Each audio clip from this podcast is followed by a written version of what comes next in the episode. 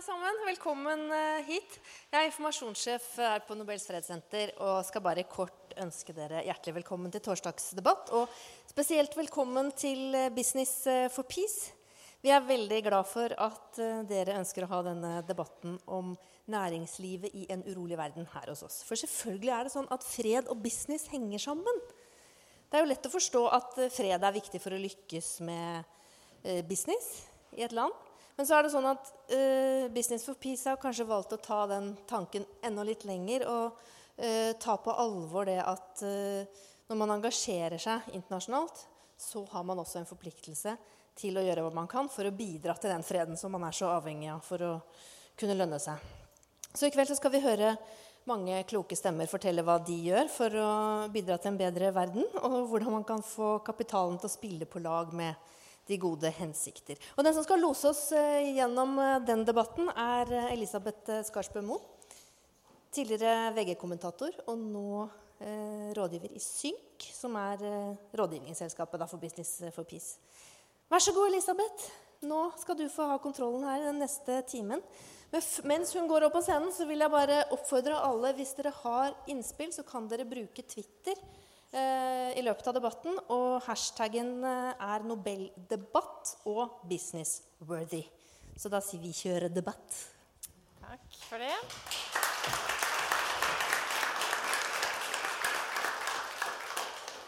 Ja, dette arrangementet er da et, det første i rekka av eh, flere fram mot, altså som, i, fram mot Summit, eller rundebordskonferansen til Business for Peace, som blir holdt den 16. mai her i Oslo på Sentralen. Og deretter er det prisutdeling til årets vinnere, som er Elon Musk, som sikkert mange kjenner som gründeren av Tesla. Harley Saidin, som er en iransk immigrant til USA, som det siste året har bygd opp en stor eh, bærekraftig energiprosjekter i eh, Asia og en stor infrastruktur rundt det. Og eh, han leder nå det amerikanske handelskammeret i Sør-Kina. Murad Al-Kayatib er en uh, tredjevinneren, kanadisk entreprenør innenfor bærekraftig landbruk, og har bl.a. bidratt mye til eh, å avhjelpe situasjonen med syriske flyktninger og bidratt til at de eh, har fått ernæring. Durin Chanas er den fjerde som har bygd opp en børs for kapitalformidling til sosiale entreprenører i Asia, Bangladesh og Singapore. Um, det er også årets vinnere. Rundebordskonferansen i år har som tema eh, Brundtland pluss 30 og gjennombrudd for framtidige ideer. Eh, og det, I det så ligger det også at vi har et intergenerasjonsperspektiv. Og det vil man se på panelet her i dag, der eh, Kiran Aziz, du kan komme opp, er en ung leder og høyskolelektor ved BI og Institutt for rettsvitenskap og, eh, og styring. Så har vi også Mats Johansen. Vi ble vel enige om at det var litt uklart hvor lenge du kan uh, telle som ung leder, men du har i hvert fall vært i Business for Peace sitt unge ledernettverk i en årrekke. Så har vi eh, Johan H. Andresen, leder av Etikkrådet i Statens pensjonsfond utland. Og så har vi Anniken Huitfeldt, som er leder av Stortingets utenriks- og forsvarskomité.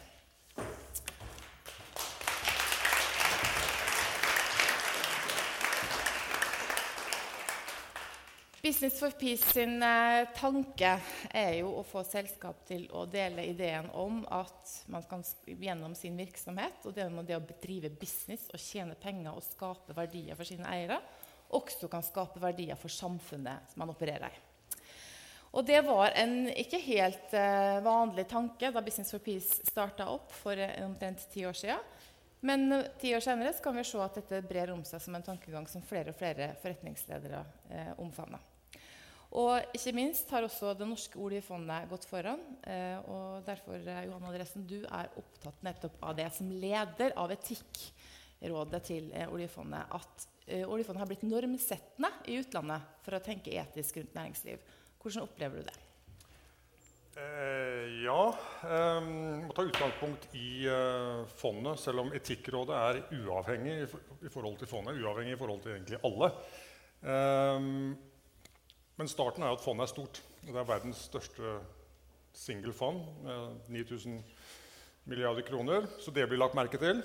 Um, så er fondet ganske tydelig på sine egne strategier Jeg har på meg hatten for Etikkrådet, bare så det, men jeg må kjøre litt markedsføring for Embim også, stakkars, når de ikke er her. Så den rapporten, 'Responsible Investment', kan med fordel leses.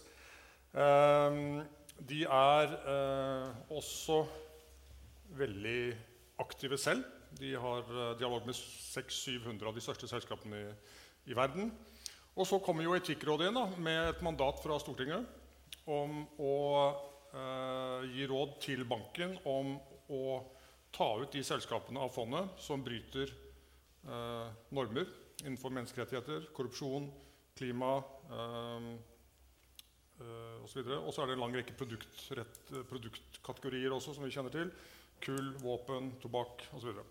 Eh, og så er det det faktum at Etikkrådet har jo da et, sagt, et uavhengig mandat. og Det betyr jo at uansett om rådene deres følges, så offentliggjøres anbefalingene.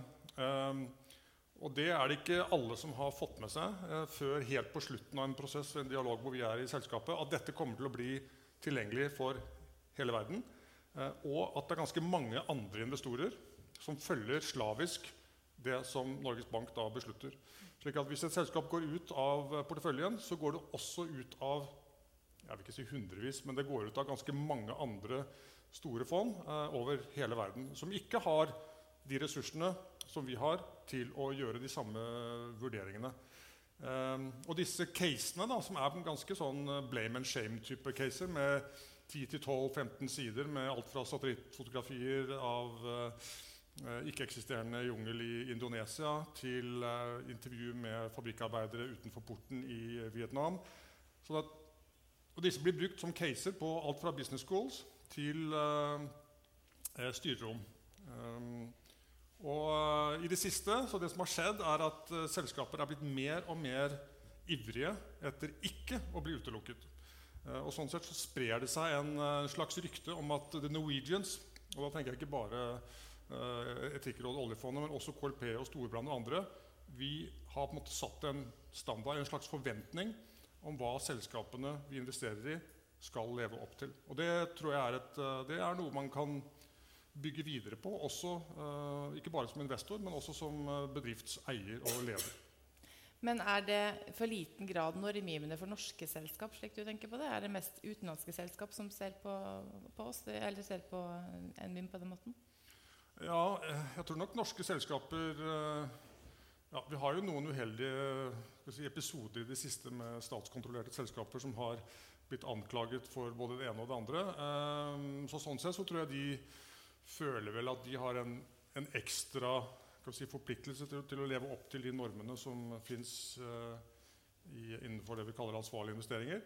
Men det er klart at de selskapene vi er i dialog med, det er alle utenlandske. For oljefondet, i hvert fall den uh, eller Statens pensjonsfond utland, som det heter, de kan bare investere i utlandet. Den innenlandske, Det er Folketrygdfondet. Mm. Så de har ikke vi direkte med å gjøre når det gjelder Norge. Um, ja, er, Men du mener at du er litt opptatt av at dette legges litt for lite merke til kanskje i Norge? hvor uh, Norge faktisk ja, altså, for å si Mye av det arbeidet vi gjør, kanskje den mest effektive delen um, kan vi ikke snakke om. Det er på en måte litt sånn merkelig. Men vi i dialogen med selskapene så er det mange av dem som endrer atferd rett og slett fordi de ikke vil bli utelukket. Altså det er rett og slett ikke moro å sitte i styret og ved middagsbordene og fortelle at det selskapet du på en måte er ansvarlig for, er blitt utelukket av verdens største fond. Så de gjør alt de kan, mange av det, for å unngå. Og så er det noen som ikke helt skjønner hva alt betyr. Uh, og, ja.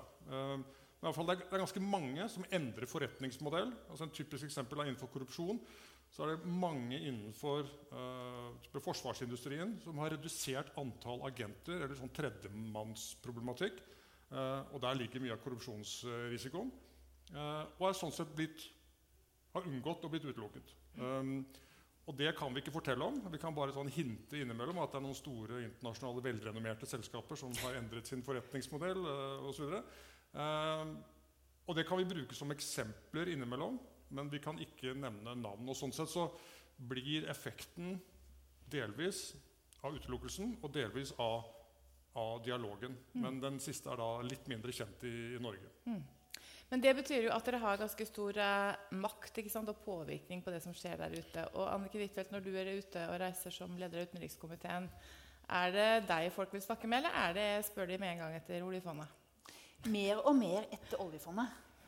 Og mer og mer i muligheten til å skape arbeidsplasser. I dag hadde jeg besøk av både utenriksminister, energiminister og miljøvernminister fra Benin. Og de snakket om at vi ber ikke om bistand. Det vi ber om, er partnerskap for næringslivssamarbeid. Og hvis vi ser på de afrikanske landene, så er jo bare utenlandske investeringer og det diasporen sender hjem, er jo mer enn det som nå går i utviklingsbistand. Så det blir en viktigere del av utviklingsmodellen i framtida. Mange snakker om en Marshall-hjelp for Afrika. Mm, mm. Men må vi, må vi, ikke glemme at den Marshall-hjelpen som vi fikk i USA, det var ikke at amerikanerne bygde skoler her. Eller bygde helsevesen de ga oss grunnlag for et næringsliv som vi sjøl kunne beskatte for å etablere vår vel velferdsstat. Eh, og det er nok i for stor grad ikke en del av norsk utviklingsdebatt, mener jeg. Og så er det klart at oljefondet er utrolig viktig. Jeg var med på diskusjonene først. Husker Finansdepartementet var veldig imot disse reglene. Og det var en ganske god begrunnelse for å gå imot. For det var at de var redde for at det beste skulle bli det godes verste fiende. At det skulle være såpass store krav at det var umulig for vanlig næringsliv å komme inn. Det var viktig tror jeg, å være litt konservativ. Men så gikk vi da skritt for skritt. ikke sant? Og jeg husker veldig godt, Vi var til stede i Arbeiderpartiet og tapte avstemningen at vi skulle ut av tobakk. Men så gikk det den veien etter hvert. da. Så skritt for skritt har vi jo endret det. Og nå sist med kull. Også mot Finansdepartementet og finansministerens mening, men det har en enorm betydning. Så det er viktig å ha etiske regler. Det spiller veldig stor rolle. Og mange vil nok snakke like mye med oljefondets representanter som med politikere i tiden som kommer. Men det må ikke være så knallharde krav at det blir umulig for næringslivet å, og, nå dem. Og da mister det også sin normgivende rolle overfor norsk næringsliv, mener jeg. Mm. Men ja, er vi litt der? At, vi, at, det oppleves, Får du signal om det? At det er, oppleves for, eh, for, eh, hva skal jeg si, for politisk korrekt? da? Ikke oljefondet. Men det er klart at en del norsk, deler av norsk næringsliv kvier seg for å investere i spesielt land i Afrika fordi det er et, en omdømmerisiko knytta til å investere der, der og i Asia. Og de spør om investeringer, og så er de redd for omdømmet her. Så det er, en, det er et dilemma. Og så er det klart at uh, altså Det blir jo veldig lagt merke til når oljefondet for under finanskrisa 2008 reduserte engasjementet i Europa. For da var jo sårbarheten størst her. Da var det jo europeiske politikere som kom til oss og sa hvorfor reduserer dere i en tid hvor det er finanskrise i Europa? Hvorfor øker dere i Asia, og så reduserer dere i Europa? Så det er klart at dette er jo ikke bare i fattige land, men også i Europa veldig interessert i hvor går oljefondet. Mm. Men uh, det er jo også en diskusjon om oljefondet går for lite f.eks. inn i afrikanske land og andre vekstøkonomier. Og nå hører jeg deg egentlig ta et lite oppgjør her også med tidligere bistandspolitikk. For du sa at uh, Marshallhjelpen gikk ikke ut på å bygge skoler, det gikk ut på å skape arbeidsplasser som kunne beskattes for at vi skulle bygge samfunn. Og Den retningen går vel også mer og mer nær bistandspolitikken. Vi vil se mer bruk av det. også i Ønsker du f.eks. at oljefondet skulle ha brukt mer penger i Afrika?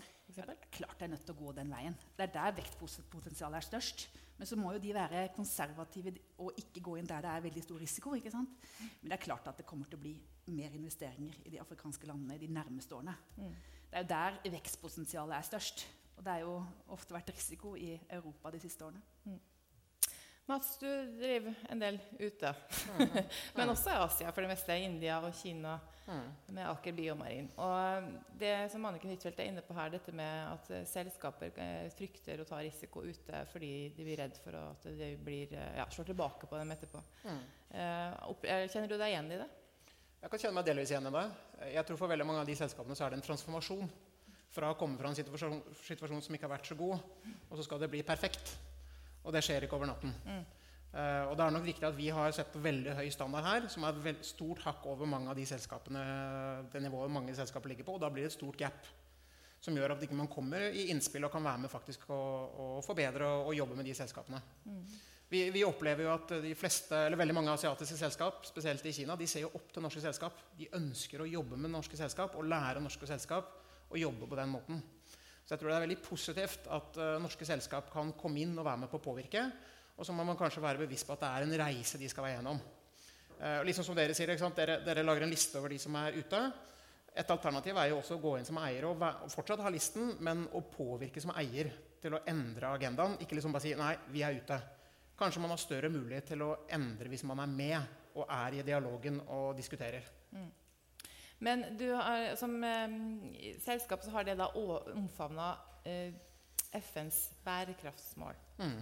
Eh, for, eller utviklingsmål som ja. en del av eh, deres strategi. Ja. Hvilke konsekvenser får det for å drive business? Ja. Nei, det, det, for oss får det jo store konsekvenser i og med at det, er, det er kjernen i det vi driver med. Uh, vi har valgt ut fire av FNs bærekraftsmål, som er uh, egentlig det vi leverer. Mm. Vi bidrar til mer effektiv matproduksjon. Vi bidrar til å bekjempe livsstilssykdommer. Vi bidrar til bærekraftig fiskeri og responsible consumption. Det er det vi fokuserer på. Og Det er flere effekter av det. Det ene er jo langsiktig så er det jo bra for business. Stabilitet er bra for business. Mm. Løser vi bærekraftsmålene, så blir det mer stabile samfunn, og det blir mer vekst, og det er bedre å være eier og være kapitalist, og du tjener mer penger. Mm. Det andre som, er, som, jeg finner veldig interessant, det er at uh, unge mennesker i dag, og ikke kanskje fullt så unge mennesker, de syns ikke det er nok lenger å bare jobbe for at en eier skal bli mer rik. Mm. Hvis vi ser på alle de søknadene vi får inn av folk, den viktigste grunnen til at de ønsker å jobbe for oss, er at de ønsker å gjøre en forskjell i verden. Og det å kunne ta disse bærekraftsmålene, ikke bare ha det som sånn corporate responsibility på siden, men faktisk det man gjør hver eneste dag, er med på å gjøre verden til et bedre sted, det gjør at vi får de beste folkene til å jobbe for oss. Og Når vi har de beste folkene til å jobbe for oss, så tjener vi mer penger, og eieren blir enda mer rik. Men er det sånn at de beste folka nødvendigvis vil tjene mest penger? Nei. Eh, nei, så nå snakker vi om eieren. ikke sant? Jeg, eh, det er veldig interessant. Når vi begynte den eh, runden her i selskapet, så husker jeg det vi har en purpose for selskapet vårt som sier at uh, 'improving human and planetary health'. Så det er, liksom, det er, vårt mål. Og da husker jeg det var noen som sa nei, men det er ingen som etablerer et selskap uten at målet er å tjene penger. Og det er jo for så vidt delvis riktig. For det er klart, dette er ikke veldedighet som vi holder på med. Vi mener at det er good for business å løse de problemstillingene her. Mm, mm. Vi vil tjene mer penger ved å løse de problemstillingene i forhold til å bidra på en negativ måte. Mm. Andresen? Bidrar, mener du at den måten å tenke altså Når han sier hvordan han tenker rundt dette her, er det, er det den måten man skal operere på som forretningsleder i vår tid, tror du? Ja, Da må jeg bare ta med hatten som Etikkrådets leder. og så ligger den der, så tar jeg på meg Ferd-capsen. Det burde jeg egentlig hatt i baklomma. Um, ja, nei, jeg er på mange måter veldig enig. Um, og bare når det gjelder å tiltrekke seg gode mennesker så er det ikke snakk om å tiltrekke seg de beste, de mest uh, grådigste, de kjappeste. De, men det er de som har det verdisettet som matcher det bedriften har, og som har det potensialet i seg som måtte korrespondere med det behovet bedriften har for å vokse og utvikle seg. Og sånn sett, så De menneskene de har det pussige ved seg at de eh, alltid har et valg. Så de, faktisk, de, de velger ofte å gå andre steder enn enn der du på en måte ønsker at de skal gå. fordi vi skal gå til, til oss. Men poenget er at det er de som velger.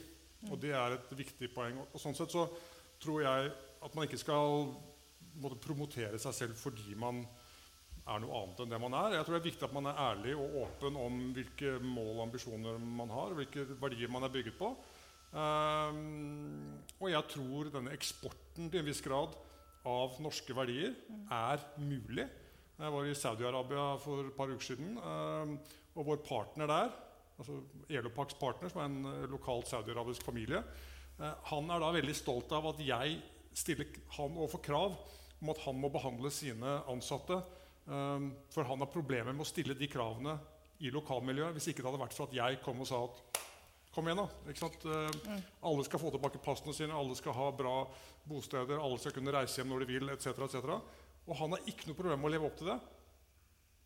Men det er mye enklere når eh, kravet kommer fra en, en medeier, da, en partner, eh, enn om det kommer liksom fra en NGO. Mm. Men jeg har hørt deg si en gang at det, det viktigste en eh, bedriftsleder eller en eier gjør uh, Eller det største samfunnsansvaret en eier tar, det er å skape arbeidsplasser. egentlig. Så enkelt er det, kan man definere samfunnsansvar i en businesskontekst. egentlig. Eh, det syns jeg egentlig var veldig godt sagt. Eh, og det du sier òg, er jo at du, du, velger ut de utviklingsmålene som du ønsker å støtte opp under. Men så er det jo til stede i Kina, der den norske regjeringa akkurat vært med en stor handelsdelegasjon, og ikke vil snakke om menneskerettigheter, f.eks. Eh, så hvordan da, ser du vekk fra det liksom, i ditt arbeid, eller hvordan bidrar du da di, i stedet med, din, med, selskapsvirksomheten til å også bygge opp under menneskerettighetene? Ja, så, så, vi bidrar til det. Vi mm. gjør det jo teknisk gjennom måte, våre krav til code of conduct med de samarbeidspartnerne vi har, som, som er på formelle krav vi vil ha. Mm. Men jeg tror vi, vi, bidrar vel så mye med bare å være til stede med våre verdier og våre kultur og ha dialoger og snakke med mennesker om hvordan vi tenker, og, og hvorfor det er en, en uh, viktig element for, for kinesere skal få komme seg ut av Kina da, og lykkes internasjonalt med de tingene de driver med. Så for oss er det jo, det har vært en frustrerende periode uh, å ikke hatt mulighet til å jobbe i Kina. Vi begynte å jobbe i Kina før denne diplomatiske situasjonen oppsto. Uh, det er klart det er veldig frustrerende at vi kom i en situasjon hvor vi ikke har anledning til å være med og påvirke eller være en del av diskusjonen. Vi er bare rett og slett utestengt. Mm. Så, så, vi mener jo at nå, nå, er jo ting normalisert igjen. Nå har vi mye større anledning til å komme inn og være med på å påvirke næringslivet i Kina til å jobbe til norske verdier. Mm. Og hvordan skal han da jobbe?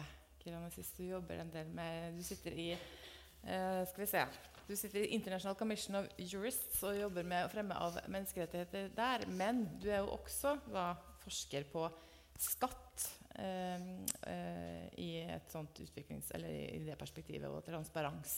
Mm. Bidrar bio, eh, Aker Biomarin i Kina sin tilstedeværelse til at menneskerettighetene blir styrka i Kina?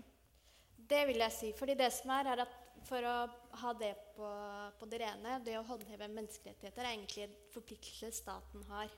Men så har vi jo sett at uh, de aller fleste landene har jo ikke lykkes helt. og Det er derfor det er så fint at næringslivet har kommet inn. Uh, og jeg tror den viktigste påvirkningsmuligheten vi har, er nettopp ved å være til stede. Og så må vi erkjenne at det å jobbe med menneskerettigheter er et, er et omfattende tema. Det er helt andre forutsetninger når du er i et land som Afrika. Eh, eller f.eks. i Kina, der myndighetene har veldig mye å si for eh, virksomhetsutøvelse. Eh, så det man må være veldig klar på, er den kulturen man har. At man har integrert menneskerettighetspolicy, at det er offentlig. Og det er det man opererer med. Både overfor lokale forbindelser, men også i leverandørskjeden. og så må man tenke at det er noe som Det er ikke en, som vil skje en utvikling til å skje over natten, men det er noe man må jobbe strategisk med. Og så Når det kommer til myndighetene, så vil jeg bare si som, som vi har jo et nylig eksempel som du nevnte, at uh, Norge vil ikke ta opp menneskeretter da de var i Kina. Og Jeg skal ikke gå inn på hvorvidt det var klokt eller ikke. Men det er også viktig å tenke at den dialogen, ettersom det er staten som skal håndheve, så er det myndighetene som må påvirke. Så vi må gjennom være pådriver i FN og andre organisasjoner og så ta opp den dialogen når vi er der og har det på dagsordenen. Um, og vi innledet med oljefondet. Ja, jeg, det jeg kan si er at det går i den riktige veien, nettopp for at oljefondet har lansert eh, forventningsdokument på menneskerettigheter, som Johan var inne på. Og tidligere så har det vært uklart hva det oljefondet ønsker å oppnå når det kommer til menneskerettigheter. Og så har de i tillegg lansert eh, forventningsdokument når det kommer til skatt og åpenhet. Og der så vet jeg at det er veldig mange norske investorer som har sittet og ventet litt for å se på hvor er det man skal legge seg når det kommer til, eh, når det kommer til skatt. Og så må man bare si at I de landene, f.eks. i Afrika, så er det vanskelig å operere. Det er veldig mange risikoer, så man må være grundig med de risikoanalysene man tar. Og det er ikke noe du tar bare før du er i landet, men du må ta det fortløpende. Uh, og så er det veldig viktig at man måler og kommuniserer det utad. fordi jeg tror det har veldig mye å si med aksjonærene, men også med folk som sitter. Fordi folk har forventninger til næringslivet. Det er liksom ikke noe bare staten skal håndheve. Sånn som i Afrika, bare for å nevne, så har vi et eksempel. Skatt er viktig. Vi vet at skatt er uh, en viktig faktor for å få til utvikling i et land, men likevel så er det veldig mange barrierer der. Vi vet at det er kompliserte selskapsstrukturer. Vi vet at uh, det er skatteunndragelse. Um, og så For å ta, gi dere et eksempel, så er det sånn at det er et selskap som var i Nigeria. Uh, og Der så hadde de et bokettersyn, og da så fikk de et krav på 100 millioner kroner fra skattemyndigheter. Og det kravet gikk ut på at de skulle, i bokettersynet så skulle de se, vurdere om de expats, altså folk som jobber midlertidig i Nigeria, var behandlet skattemessig riktig. Og det som gjør er at Myndighetene de pålegger skattekravet på bakgrunn av at de skulle skattlegge for den perioden du har fått innvilget visum. Og det her var snakk om en femårsperiode. Og det, Man skjønner at det er veldig urimelig. Så det er jo en form for utpressing der òg. Og det det endte opp med, at man betalte bare 3 av eh, kravet. Eh, så det, næringslivet har ikke lett når de er i de landene. Men jeg tror det, man må være klar, veldig klar på at forventningene skal styres fra Norge, og ikke en lokal eh, forankring og av hvordan måte, utviklingen er i det landet. Og heldigvis etter hvert så har vi fått veldig mange internasjonale dokumenter. Vi har eh, retningslinjer fra OECD, og så har vi også FNs veiledende prinsipper. Og de er blitt veldig konkrete med årene. Og det er det som er normen for næringslivet. Så det er ikke noe næringslivet bare bestemmer, det er noe de faktisk juridisk er forpliktet til å gjøre. Mm. Så jeg tror det er også viktig å ha med den dimensjonen i tillegg til FNs globale utviklingsmål. Men det er jo ikke nødvendigvis så enkelt når du kommer på bakken, da, fordi at for så ser vi at flere land i Afrika likevel så mye ser til Kina for eksempel, som modell for å skape vekst nå. ikke sant? Og syns mm. at det kan være interessant i en fase, i stedet for å se hen til FN og den vestlige tankegangen rundt demokrati og menneskerettigheter. De sier at ok, Kina har klart det, la oss først få til vekst, og så kan vi snakke om menneskerettigheter. Hvordan skal, hvordan skal norske selskap håndtere det? Sånn som Mats sier, Vi må akseptere at det er en overgangsfase her. Må vi det? Uh, du, det, er det, det, er jo der de vanskelige vurderingene kommer inn. Fordi vi vet at forventningene våre er å overholde globale standarder og det vi har forpliktet oss til. Men så er realiteten litt annen når man er der. Uh, og, det de, og, det er jo der man må være veldig streng på den dialogen man fører. Og så må man prøve å forstå Når man inngår kontrakter, så må man si at hva, det er våre premisser. Så man må være veldig klar på sine premisser, og det er ikke der, der man skal inngå kompromiss. Eh, og så skal ikke du se bort fra at det er jo en kultur for korrupsjon. Det er jo korrupsjon for brudd på menneskerettigheter. Det er en del av veldig manges hverdag. Mm. Men det er det man må jobbe strategisk og ta én ting av gangen. Mm. Er det mulig, Mats? Er det din erfaring? Uh, ja, jeg tror nok det er mulig. Men har du erfaringer fra å møte denne type problemstillinger? Jeg tror at mye handler om at hvis du, hvis du har et ekstremt godt produkt, du er den eneste som har det, så kan du stille den type krav og, ja. og, og, og tvinge det gjennom. Uh, jeg tror uh, Hvis du har et uh, dårligere, et like godt produkt som alle andre, så blir du ikke valgt når du stiller den type krav. Så har jeg lyst til å si en ting også som På en reise jeg var i Kina i ja, 2010 og, og, møtte noen politikere som snakka veldig åpent om problemstillingen i Kina. Og De sa det at de er klar over svakhetene med ettpartisystemet, og at menneskerettigheter blir brutt i den situasjonen. Men så sa de, men samtidig så må dere se litt av de utfordringene som vi har i Kina. Vi har 250 millioner som skal flyttes fra landsbygden, ut av fattigdom, inn i byene i løpet av en 20-årsperiode. Det er umulig å gjøre i deres demokratiske system. Og refererte da vårt norske måte å jobbe på. Så vi klarer ikke på en måte få i pose og sekk. Så dette er en utvikling, og, en, og en, veldig rask utvikling som foregår i Kina. Mm. Men det tar tid for oss å komme på samme nivå som vi har da f.eks. i Norge. Mm. Jeg tror En tilleggsdimensjon som det er viktig å ha med seg når man snakker om norsk næringsliv, er at norsk næringsliv handler ikke bare om de store selskapene som Yara, Telenor osv. Det handler også om veldig mange av de mellomstore selskapene som ikke nødvendigvis har like mange ressurser sant, som de mm. store. Mm. Og, så utfordringene, og de er, jo, uh, de er jo bundet av disse forpliktelsene like mye som Yara eller Telenor. Altså, hvordan skal, hvordan skal, de, Og de har ikke ressurser, de har ikke tilgang til å foreta de risikoanalysene f.eks. reise ned til Bangladesh for å se om det er barnearbeid. Altså, hvordan skal man på en måte henvende seg? Skal, hva slags tilnærming skal de ha? Så jeg tror det er viktig å ta med det i debatten, bare for å ha det, ha det belyst. Ja. Ja, som dere har vist Det så er det jo, det finnes jo veldig mange gode internasjonale konvensjoner og dokumenter eh, som veldig mange av de selskapene som må jeg tilbake i Etikkrådet, eh, ser på. Eh, jeg kan jo nevne det Petrobras, Volkswagen altså de, jo, alle, de har signert UN Global Compact, for å si det sånn. Men det betyr jo ikke at de kan begå skurkestreker så det holder eh, innimellom. Eh, så sånn sett Det at man måtte ha signet opp til sånne dokumenter, det er noe annet enn det å etterleve dem. Mm. Um, og, og, jeg tror Hvis man skal måtte, knytte en liten sånn bånd mellom oljefondet og norske bedrifter, så tror jeg faktisk at det er nesten vel så virkningsfullt å måtte gå inn på hjemmesiden, printe ut eh, forventningsbrevet om eh, menneskerettigheter eller skatt og ta det med seg og si at jeg kommer fra, du skjønner, jeg kommer fra Norge. og at eh, Sånn, disse forventningene har jeg hjemme, så du må på en måte hjelpe meg å leve opp til det. Ellers så kan ikke vi gjøre business. Ikke, nå forenkler jeg det litt, men, men skal man på en måte få litt leverage ut av det arbeidet som oljefondet gjør, og som Etikkrådet gjør, så er det faktisk mulig å, uh, ja, å bruke noe av de dokumentene, bruke noe av det arbeidet. Uh, piggyback litt, som det heter internasjonalt, på, på, på oljefondets gode rykte. Så det, det, tror jeg jeg ville prøvd. Uh, jeg bruker jo, fordi jeg på en måte sitter i Etikkrådet, så det er på en måte veldig nærliggende. Jeg kan ikke slippe unna, liksom. Du skjønner, vi er Etikkrådet, så det, ja, sånn er det bare. Liksom. Her, må, her må vi bare rydde opp. Ja, men du er forferdelig rik òg, det hjelper litt. Uh, ja, men sånn i internasjonal forstand du, så er det ikke det er, Vi er bare småfisk. Ja.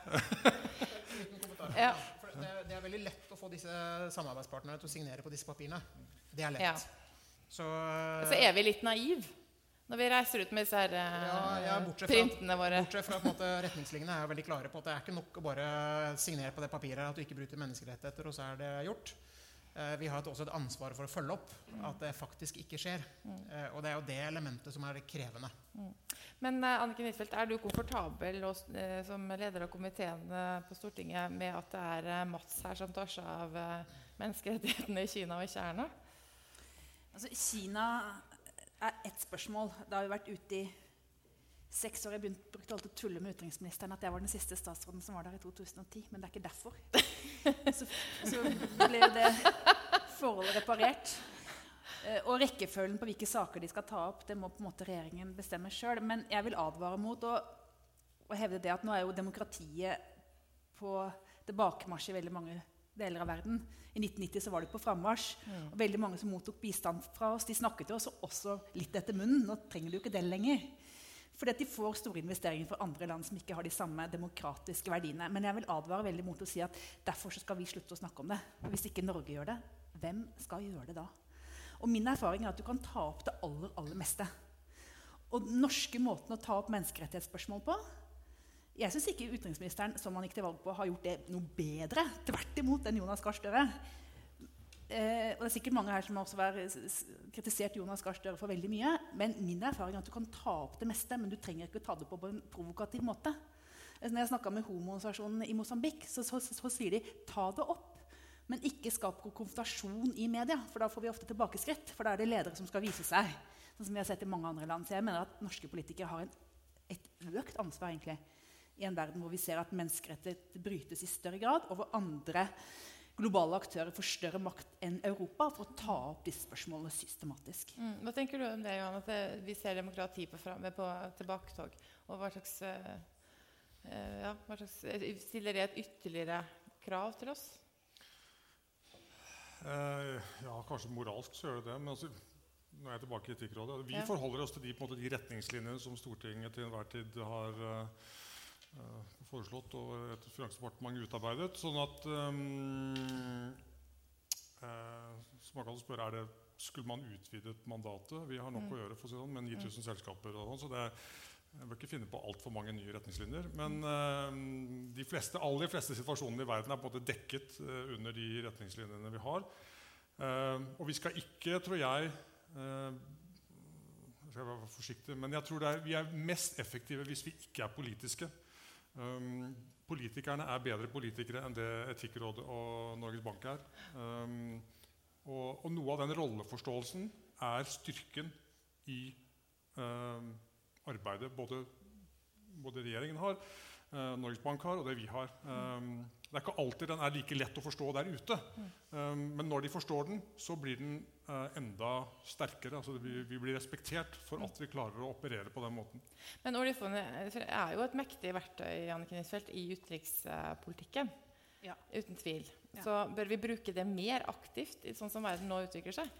Det er klart at det, kravene kommer til å sakte, men sikkert bli strengere. Altså, vi begynte på noen områder. Og så Det siste som kom inn, var kull så kan man regne med at det kommer flere krav etter hvert. Men da må man gå målretta og langsomt fram, slik at det fondet har autoritet. Men det er klart det har stor betydning hvis det norske oljefondet trekker seg ut.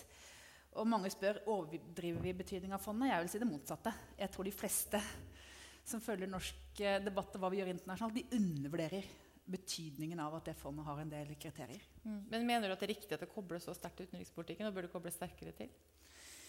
Ja, Det er jo ikke et utenrikspolitisk virkemiddel som skal ivareta norske interesser. Det skal jo ivareta noen etiske standarder. Og det er veldig viktig at det gjør det. Og det er jo en forskjell.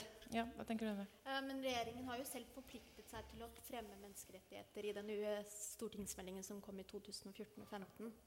Så, det er, eh, så det er litt det med å bare ikke komme i stortingsmeldinger, men også faktisk stå for det. Men Kira, når du har ordet nå, skatt og disse her eh, prosjektene Skatt for eh, bistand og Olje for bistand osv., som vi i Norge har eh, vært eh, har fremma en del de siste åra og putta en god del penger i istedenfor å putte dem til å bygge skoler eller fiskebåter. Har det noen effekt, og bør vi gjøre mer av det eller mindre av det? Eh, vet du, Det har effekt, men det er bare at det gjøres veldig lite av det. Eh, vår bistandspolitikk, selv om den, vi diskuterer den stadig, men den må være mer rettet mot skatt, fordi det er det folk trenger for at de skal klare hvis det, hvis, Siden vi er inne på bærekraft, så skatt er det eneste som er bærekraftig uh, i denne sammenhengen. Um, og vi ser jo ikke vi har, Det har ikke vært noe utvikling når det kommer til å prøve å knytte bistandspolitikken mer opp til skatt. Og både i forhold til handelspolitiske interesser òg.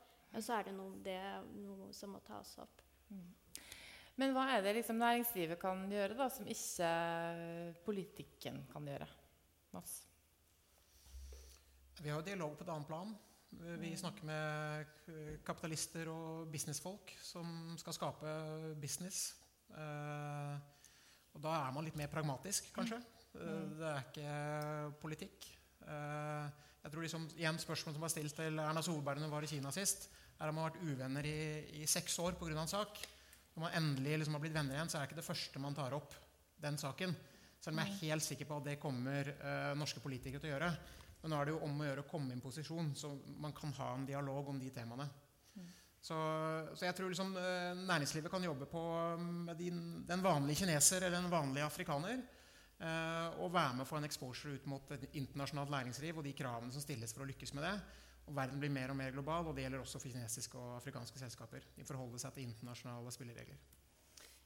Ja, og kapitalistene er jo ofte mer internasjonale enn det politikerne er. Og en måte for en politiker å bli gjenvalgt på er jo å spille på en, i hvert fall når økonomien går dårlig, det er jo å spille på gamle mannsidealer som homohat og pakke kvinnene inn igjen og sånn. Så ofte så er jo politikerne de som spiller på den type populistiske, gammeldagse krefter. Og så må man bli utfordra av næringslivet, for vi ser jo det i veldig mange land. At den type liberale idealer som vi promoterer i Norge, det er på tilbakeskritt mange steder. For politikere skal, i mangel på økonomisk vekst, de leverer noe annet. Men så er jo også næringslivet i mye større grad globalt enn det politikken er. Den er fortsatt veldig nasjonal. Og sånn sett så har man vel også et større handlingsrom, kanskje. Jo, men politikere sier altså, mer i andre land enn i Norge. De sier én ting på tomannshånd og en annen ting til velgerne sine. Sant? Jeg snakker med utenriksministeren i ja, Jeg skal ikke nevne navn land, men jeg sier 'kjører han på abort', da? Og så er han helt enig med meg, men han sier at det er vanskelig for meg å bli gjenvalgt hvis jeg sier det.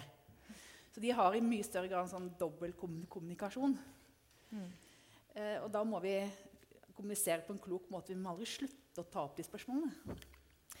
Men etterlevelse av den der, disse reglene som dere har, hvor enkelt er det å etterleve de, den strategien dere har satt dere for? Og da tenker du i forhold til menneskerettigheter eller generelt bærekraftsmålene? Jeg tenker begge deler, faktisk. Ja. Jeg tror uh, Du snakker om store selskap med store apparater for å kunne håndtere liksom, etikkreglene. Da. Uh, vi, er, si, vi, vi er i kategorien medium-selskap. Vi omsetter for en milliard. Uh, det krever ikke så mye, faktisk. Eh, det krever at du må på en måte være diligent. Du må bruke et par uker ekstra før du liksom, går inn i en dialog med en samarbeidspartner. Det er mange aktører som tilbyr den type tjenester, screening, som du eh, kan gjøre uten at det koster all verdens. Så det er egentlig ikke en unnskyldning, tror jeg. Så når mange store norske selskap blir blir tatt med buksa nede, for å si det sånn, så, så har de ikke gjort jobben godt nok, mener du? Ja, sannsynligvis. Så, så det er det ene. Når det gjelder bærekraftsmålene generelt, da, så, så er det klart at vi, vi har jobba med bærekraft siden vi starta for ti år siden. For ti år siden så var det ingen som brydde seg om hva vi snakka om. Vi var heldige med at FNs bærekraftsmål kom for eh, ja, noen halvannet år siden ca. Da var det en hukk å henge det, hen, hen, henge det på. Det var litt momentum på det. Jeg vil si at Kanskje ikke det er et konkurransefortrinn ennå, men det er på vei til å bli det. Og jeg tror det er bare et spørsmål om tid før det å jobbe bevisst, helt spesifikt med bærekraftsmålene, er et konkurransefortrinn. Men er ikke det en sånn idé som vi har her i Vesten og i Europa, som ikke er så sterk i Asia, f.eks.? Kanskje ikke i Asia, men ta USA. da. Et stort marked for, for oss, f.eks. Mm. USA ligger foran Norge i forhold til å tenke på den uh, måten her. Jeg skal holde to hatter på meg samtidig. Eh, vi jobber jo en del med Norfund, som er på en måte egentlig en eh, Sammen så startet vi noe som heter eh, NMI, Nordic Microfinance Initiative. Vi, når i dag, eller vi har nådd syv millioner mennesker. um, som er under fattigdomsgrensen. Um, 95 kvinner. Um, og de har utfordringer, altså Norfund har utfordringer med å finne private partnere til å gjøre investeringer i bl.a. Afrika, fordi de måte ikke kan garantere eh, hvem kan det, at man ikke havner i en eller annen situasjon mm. som gjør at man havner på forsiden. Mm. Um, um, og da sier mange selskaper nei, den, den risk, risikoen er vi ikke villige til å ta. Um, og delvis tror jeg det kommer av at man vil ikke ha den si, omdømmerisikoen. Uh, men man lener seg også litt på hva politikerne selv har bestemt at uh, oljefondet ikke kan gjøre, nemlig infrastruktur, som typisk da ville bli gjort i, i Afrika og deler av, Asia. At uh, ja, det er på en måte en sånn reputational risk som vi ikke løper. Men hvis jeg skal snakke litt på vegne av sivilsamfunnet, så er det litt synd. For det er et sånn generational fund som oljefondet faktisk er, har helt unike forutsetninger for å ta den slags type risiko. Eh, og velge partnere på øverste hylle i hele verden. Alt fra IMF og, og nedover. Eh, men fondet er på en måte ikke rede til det. er på en måte konklusjonen at man ønsker ikke å utsette fondets gode rykte. Eh, fondets ellers gode rykte for den slags type risiko. Og det kan jeg på en måte forstå. Eh, og Etikkrådet er ikke til rede til å håndtere due mm. diligence i, i, forkant av den slags type unoterte investeringer. Men som en sånn uh, vanlig nordmann så er det på en måte litt uh, det er en mist opportunity som jeg tror på et eller annet tidspunkt vi kommer til å si at oi, vi, det burde vi egentlig gjort litt før. Her har du utfordring. Altså, ja, vi hadde besøk av uh, en politiker i den afghanske regjeringen i forbindelse med at vi skulle evaluere Norges bistand til Afghanistan. Og da sa jo han akkurat det samme som du sier. Det er at alle ville bygge skoler, ingen ville bygge veier, og vi trengte veier. Ja. Så det er klart at det må det bli en endring på. Og jeg har jo, men jeg har jo selv, vi, vi, må ikke, vi skal stille krav. Ja, vil, du sier at når, når dere, kommer, når dere Nei, kommer i regjering? Jeg lover. Nå, vi, men jeg sier tvert imot at vi skal ta ett skritt av gangen.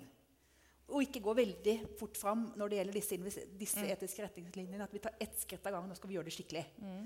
For det har jo vært en, en skrittvis tilnærming på disse områdene, og da har man fått kompetanse på det.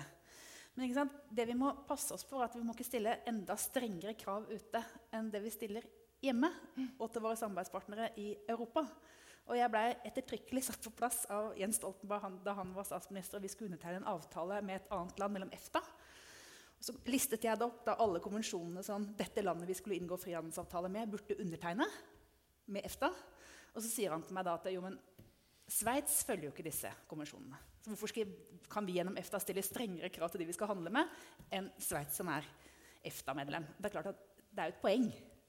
Det er jo vanskeligere å ha høyere sigarføring på etikk ute enn det vi har i Europa. Så, så igjen, altså, vi skal stille strenge krav, men det må ikke være veldig mye strengere krav enn det vi stiller til oss sjøl.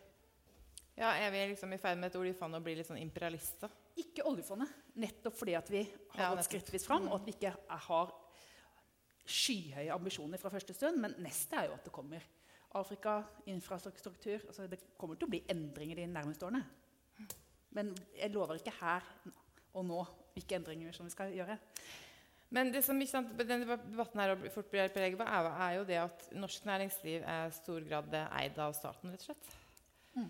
Um, og hvor mye tenker det politikere på Stortinget om det når selskap havner i trøbbel i utlandet? Hvorvidt liksom, det er dere som er compliance-avdelinga til en del store norske selskap? Veldig mye. ja. Og det har vært tema Det har dere jo blitt kritisert for for å dra selskapet gjennom Stortinget, og at det er en stor risiko. Ja, og det har vært diskusjon omkring hvor store eierandeler vi skal ha i Statoil også. om vi skal... Eh, mitt parti ønsker jo at vi skal ha eh, mange aksjer, men at ikke det skal være helt helstatlig eid. For å få inn private aktører også. Så det er en veldig viktig del av diskusjonen som foregår, hvor mye styring du skal ha fra, fra politikere. Og vi er uenige også internt i de ulike partiene. Mm. Masse har du synspunkt på dette? Er det godt å ikke ha statlige eiere, tror du? Nei. Igjen tilbake der, Hvis norske myndigheter ønsker å påvirke internasjonalt, altså er jo mm. eierskap gjennom selskapet en måte å gjøre det på. Mm. Og bruke aksjonærmakten og tvinge gjennom den type øh, oppførsel man ønsker. Uh, om staten er en god Jeg, jeg er nok ikke riktig til å evaluere om, om, staten er en god eier eller ikke. så med. Men altså, jeg har spurt næringslivsledere i Chile f.eks. Mm. Er det en klamp om foten at stat, Statkraft er så statlig? Mm. Tvert imot. Så vi må liksom ikke tro at statlig eierskap er det samme som siderumpa lite fleksibel. Tvert imot så opplever de det som en veldig soliditet. Men vi er tilbake til dette med ansvaret som, eh, som eh, ledere har eh, ute for å skape bedre samfunn rundt seg. Altså, eh, når man sier det, Er det i ferd med å bli litt sånn, så allment eh, positiv oppslutning om det at det er nesten sånn umulig å, å, reise ut i verden uten å ta på seg den der etiske hatten som kommer fra Norge. Opplever du det i Kina f.eks.? Nei, altså Er det egentlig en differensierings... Uh, altså noe som man differensierer seg med Eller er det sånn at dette er noe typisk norsk, da, og ikke bare noe typisk for enkelte selskap? Nei, jeg tror ikke det er typisk norsk. Jeg tror at dette er noe som alle vestlige selskaper jobber inn mot denne type land, håndterer. Uh, så jeg tror ikke det er det. Men, jeg, jeg, men jeg, det er et viktig tema, og jeg tror det er et tema som ja, har blitt mer aktuelt. Mm. Uh, I og med at de, de hører det fra mange forskjellige steder. Mm. Og jeg tror også veldig mange f.eks. kinesiske selskaper de ønsker jo også å eksportere og gjøre business den andre veien. Og, og ønsker å tilpasse seg den måten å jobbe på for mm. å kunne gjøre business internasjonalt. Mm. Men Hva slags ambisjoner har du da når du tenker på den virksomheten som dere driver i India og Kina? Hvordan skal liksom de samfunnene se ut? Hva slags bidrag er det du så håper på å sette igjen der? Nei, vi, vi, prøver, altså Vårt bidrag ta i Asia, f.eks. Uh, der bidrar vi med, med, produkter som gjør oppdrett mer effektivt og mer bærekraftig. Mm. Som betyr at de kan produsere mer reker på samme arealer og legge inn et mindre negativt avtrykk uh, i, i, verden for det. Så det er jo vårt fokus. Vi mener at det er gjennom våre produkter vi kan skape mest påvirkning. Vi kan faktisk påvirke bedre den problemstillingen enn kalle menneskerettigheter. Der er vi bare et lite selskap. Men på, innenfor akvakultur så er vi et stort toneangivende selskap, og vi kan ha stor, stor påvirkning. Så jeg tror For veldig mange selskaper så handler det om å prioritere de områdene hvor man kan ha mest mulig impact. Mm. Derfor har vi valgt ut fire mål av de 17 målene til FN. For det er de områdene hvor vi faktisk, våre produkter, mm. gjør noe med problemstillingen. Og da blir det mye lettere å fokusere på det og faktisk ha gjennomslag. Mm. Men er det da slik at du velger bort alt annet enn det som kan bidra til å, Nei, du velger ikke bort. Du må jo fortsatt forholde deg til det. Mm. Men fokuset i forhold til på en måte, organisasjonen vår og hvor vi bidrar, er på de fire målene som vi har størst impact. Mm. Og så må man også huske på tilbake til retningslinjer fra OECD. Det er jo nettopp grunnen til at jeg tar dem opp. Det er fordi det er det viktigste instrumentet vi har internasjonalt. Og det er jo ikke bare Norge som har skrevet inn på det. Det er jo 34 andre land og 12 ikke-OECD-land òg. Eh, så det stilles jo samme forventninger til næringslivet i de landene som det stilles her hjemme. Mm. Og det gjelder både statseide og privateide selskaper. Og så mener jeg sånn Politisk da, uten å snakke næringsliv, så mener jeg at Norge må ta nye initiativ for å bringe arbeidstakerstandarder inn. Rett og slett for å redde frihandelen som idé. For nå ser vi i veldig mange land at frihandelen er under press. Og vi må bare ikke narre oss selv til å tro at det finnes noe vekstpotensial utenom en friere verdenshandel. Altså man tror at det er velferden som har gjort Norge rik. Det er først og fremst at vi har tilgang på frie markeder med fri konkurranse hvor de beste har vunnet. Men uten at det er arbeidstakerstandarder, får vi en konkurranse om de lavest mulige lønningene. Og det er spesielt viktig i en tid hvor det er migrasjon, mm. og hvor det er internasjonal konkurranse. Trump er imot begge deler, både frihandel og arbeidstakerstandarder. Jeg mener at det er arbeidstakerstandarder som kan rett og slett redde frihandel. Mm. Men vi går inn i en norsk valgkamp også, der eh, det er enkelte av de du har tenkt å sitte i regjering med, som bruker dette globaliseringsargumentet ganske hardt. da. Er det ikke sånn nå i vår verden at det også er lett her eh, å begynne å, å, å snakke om proteksjonisme og innføre proteksjonistiske tiltak, rett og slett? I, i en sånn i et, ja, så, Som ren populisme for å bli valgt, rett og slett? Ja, Det er jo sånn i alle europeiske land nå at venstresiden ytterste, og høyresiden, ytterste, går til angrep på avtaler. TISA-protestene eksempel, handlet om det. EØS, når Frp nå begynner å ta til orde mot EØS-avtalen, så er det uttrykk for det samme. Elvis ser også krefter på venstresida. Så, så du ser jo at det er den type motstand som fins i veldig mange, mange, mange land. Men jeg er jo helt overbevist om at når det gjelder internasjonal konkurranse, så er det bare ingen vei tilbake. Skal du produsere en Volvo, så har du eh, 10 000 deler fra 100 land. Inni Trumps caps, hvor det sto 'Make America Great Again', så sto det 'Made in China'. Altså, det er ingen vei tilbake. Men det kommer under press fordi at grupper blir marginalisert. Og hvorfor er mange amerikanere skeptiske til frihandel? Fordi det kommer colombianere inn og tilbyr en lavere lønn.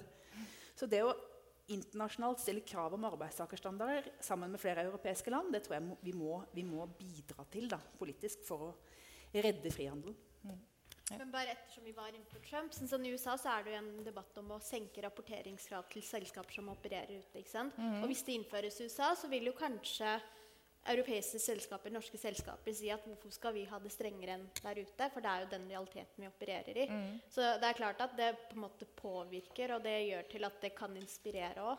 Ja, for nå er du inne på sant, at, at, kapitalismen tilfører seg ofte den, de, de, eh, de vilkårene som man har eh, rundt seg. da.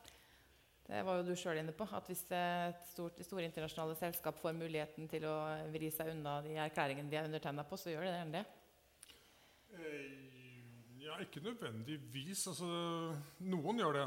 Ja. Um, og noen gjør det lokalt. Mm. Um, så det man ofte savner, er jo at det er Altså man savner både ledere i næringslivet og politisk ledelse som er villig til å gå ut og være levende eksempler på, på Kall det best practice, da, på, på, god oppførsel, på mm. etiske standarder. Eh, hele tiden. Og, og, naturligvis så man da, stiller man seg da for hogg. Mm. For det, når et eller annet sted i selskapet som man ikke helt var klar over gjør noe gærent, og så smeller det på forsida, så er det liksom Oi, da ja, hva var det jeg Men sa ikke du at osv.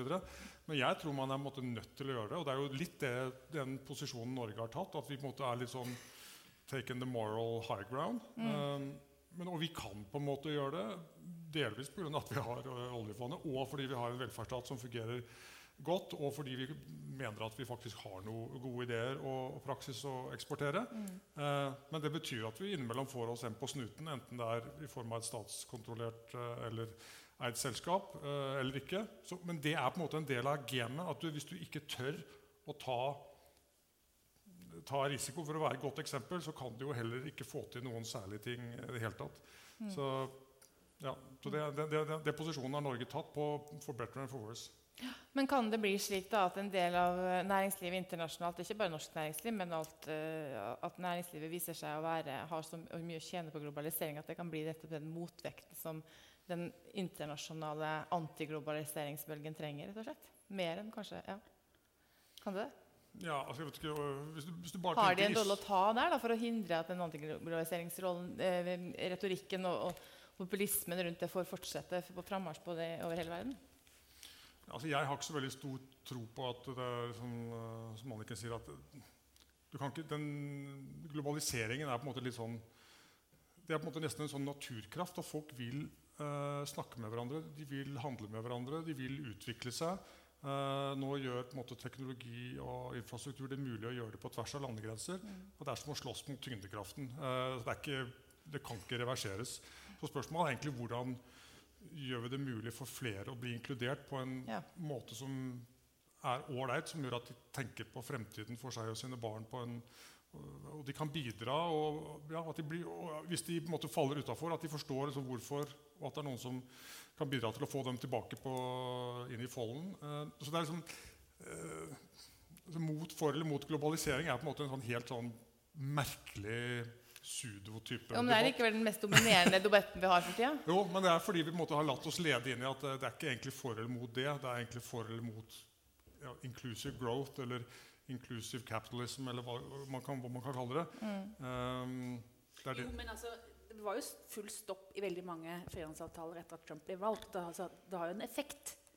At det er en politisk bestemt avgjørelse at man stopper, stopper arbeidet med en del globale handelsavtaler? Jo, men, øh, men øh, ironisk nok da, så, så, så stepper jo kineserne rett inn i ethvert vakuum som uh, den luringen uh, åpner opp for. Så, og det er jo helt merkelig da, at Australia og New Zealand, som var kanskje, det er de som har mistet flest mennesker relativt sett i forhold til befolkningen på det europeiske kontinent til første og annen verdenskrig, de blir nå nødt til å henvende seg til, Kines, til Kina for å sikre sine handelsavtaler. Altså bare tenk deg, den tanken hadde ikke vært mulig å tenke for to år siden.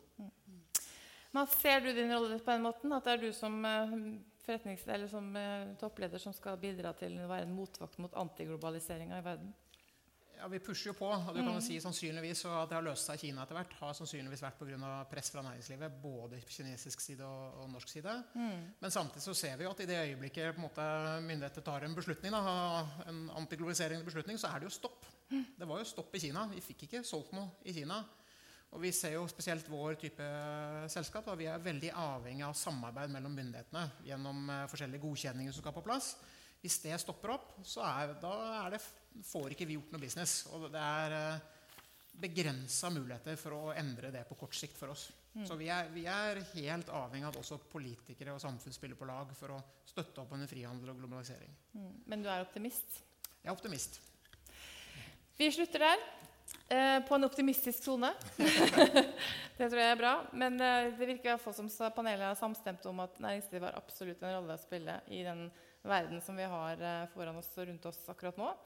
Og mer demokratiske verdier er på tilbaketog flere steder i verden. Og kanskje har næringslivet en større rolle å spille enn på veldig lenge. Tusen takk skal dere ha.